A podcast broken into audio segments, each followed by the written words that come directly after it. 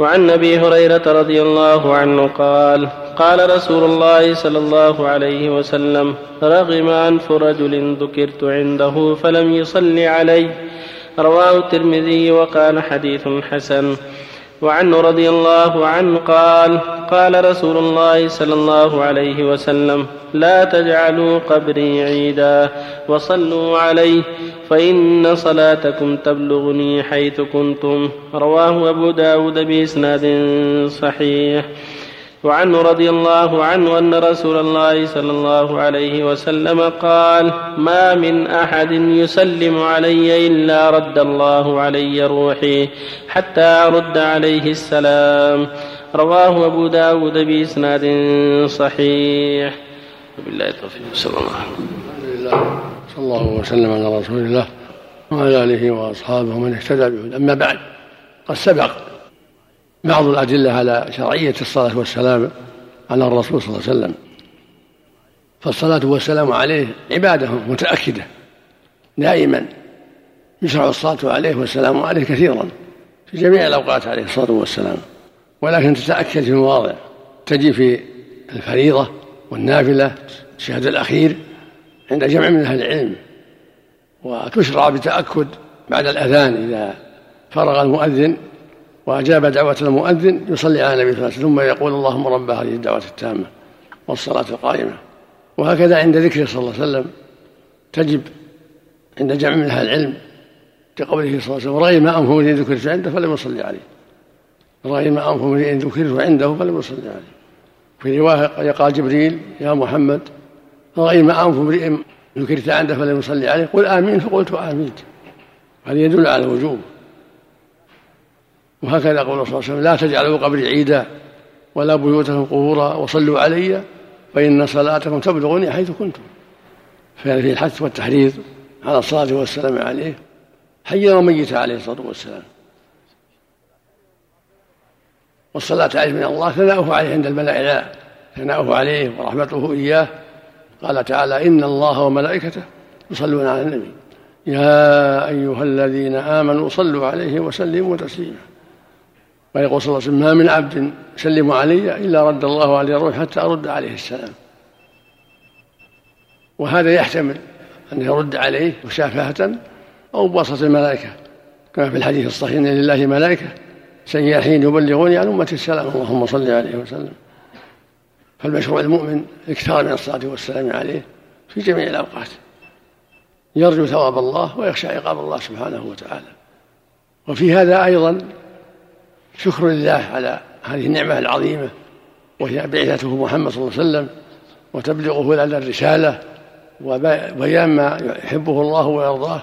فمن حقه علينا أن نصلي عليه ونسلم عليه عليه الصلاة والسلام. وأن نحبه المحبة الصادقة بكل قلوبنا محبة تليق بمقامه عليه الصلاة والسلام وتقتضي اتباعه والاستقامة على دينه. محبة تابعة لمحبة الله عز وجل. قال تعالى قل إن كنتم تحبون الله فاتبعوني ويحبكم الله ويغفر لكم ذنوبكم.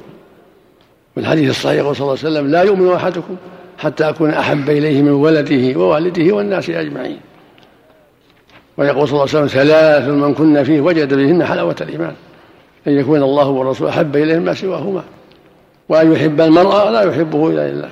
وأن يكره أن يعود في الكفر بعد إذا انقذه الله منه كما يكره أن يقذف في النار. وفق الله الجميع نعم يقول الرسول عين الكون مدحه هذا باطل. كلامه أو كلامه صحيح.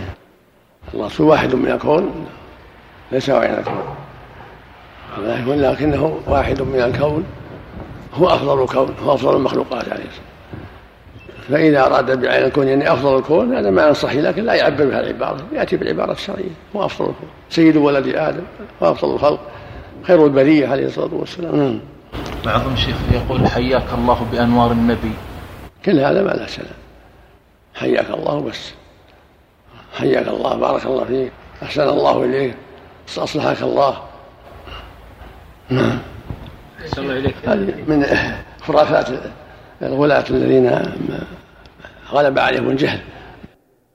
وقال لي أنه حدث في عهد الرسول صلى الله عليه وسلم أن علي بن أبي طالب رضي الله عنه عندما أراد أن يتزوج على سيدة فاطمة رضي الله عنها قال له رسول الله صلى الله عليه وسلم إن من حق الزوجة الخلع فهل هذا صحيح؟ وما هو الخلع؟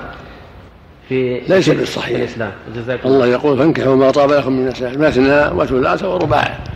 فإن خفتم ألا تعدلوا فواحدة. أما قصة فاطمة قصة خاصة. تخص فاطمة لما أراد علي يتزوج بنت أبي جهل. قال له النبي صلى الله عليه وسلم ما بنتي وبنة أبي جهل. إنه يريبني ما يريبها وإنها بضعة مني. هذا شيء خاص بفاطمة رضي الله عنها. وإلا فالزواج جائز بثنتين وثلاث وأربعة وليس للزوجة الأولى أن تعترض إلا إذا كان شرطت عليها ألا يتزوج عليها فالمسلم على شروطه. وأما إذا أحب يتزوج ويعدل ويقوم بالواجب فلا بأس سنتين أو ثلاثة وأربعة نعم. الله يسأل عن الخلع ما هو الخلع؟ الخلع الطلاق على مال هذا الخلع. المخالعة كونها تعطيه مال حتى يفارقها يسمى الفداء. إذا تخالع أعطته مال ووافق على أن يخلعها أن يطلقها فهذا يسمى خلع. يسمى الطلاق على العوض قد وقع في عهد النبي صلى الله عليه وسلم امرأة ثابت بن قيس اختلعت منه صار بينها وبينها شيء. فقال النبي صلى الله عليه وسلم أتردين علي حديقته؟ قال النبي قالت نعم. فقال النبي لثابت اقبل الحديقة وطلقها تطليقه. هذا يسمى الخلع. وهو المراد في قوله فلا جناح علينا فيما افتدت به. نعم. الخلع بفتح اللام خطأ شنو؟ الخلع بفتح اللام الخلع بالتسكين. والخلع ضم خاء وكسر تسكين اللام. خلع يخلع خلعا بالفصل بالفتح ويقال للعمل خلع وفداء ومفاداة. نعم. عليك. صلوا علي وإذا صليتم علي فصلوا على المرسلين. ما ما أعرف لها اصل أقول ما أعرف لها اصل صحيح أنت يا شيخ وبعض طلبة العلم أنه صحيح. ما ما ما أتذكر الآن. لو دوروا فاجمعوا طرق جزاك الله خير. ودونا نشوف. الجيد منكم يجمع طرقه نعم. السنة يا شيخ في قص الشارب هل الايطار أو إنه يحلق؟ السكة السنة الاحفاء احفو الشوارب بقص. مو بالحلقة السترة أحسن الله إليك هل هي واجب؟ سنة سنة مؤكدة. للفرد والإمام بس. طيب الثلاثة الذين يقطعون الصلاة إذا قطعوا إذا مروا أمام الشخص يستأنف من جديد؟ أي إذا كانوا قريب منها وبينه وبين السترة وهو إمام أو منفرد. أما المأمومون ما يضرهم. لو مروا بين أيدي المأموم ما يضرهم يستأنف من جديد. نعم. ثبت النبي صلى الله عليه وسلم صلى من غير سترة؟ نعم. ثبت ها؟ نعم. هل في مثل هذه الحالة الإنسان يصلي بعض الأحيان دون سترة؟ نعم لا بأس. لأن الرسول بعض في بعض الأحيان صلى بغير سترة. ممكن الإنسان يصلي بدون سترة أيضا إذا إذا ما إذا ما تيسرت. السترة نعم. لكن السترة أفضل نعم. الله عليك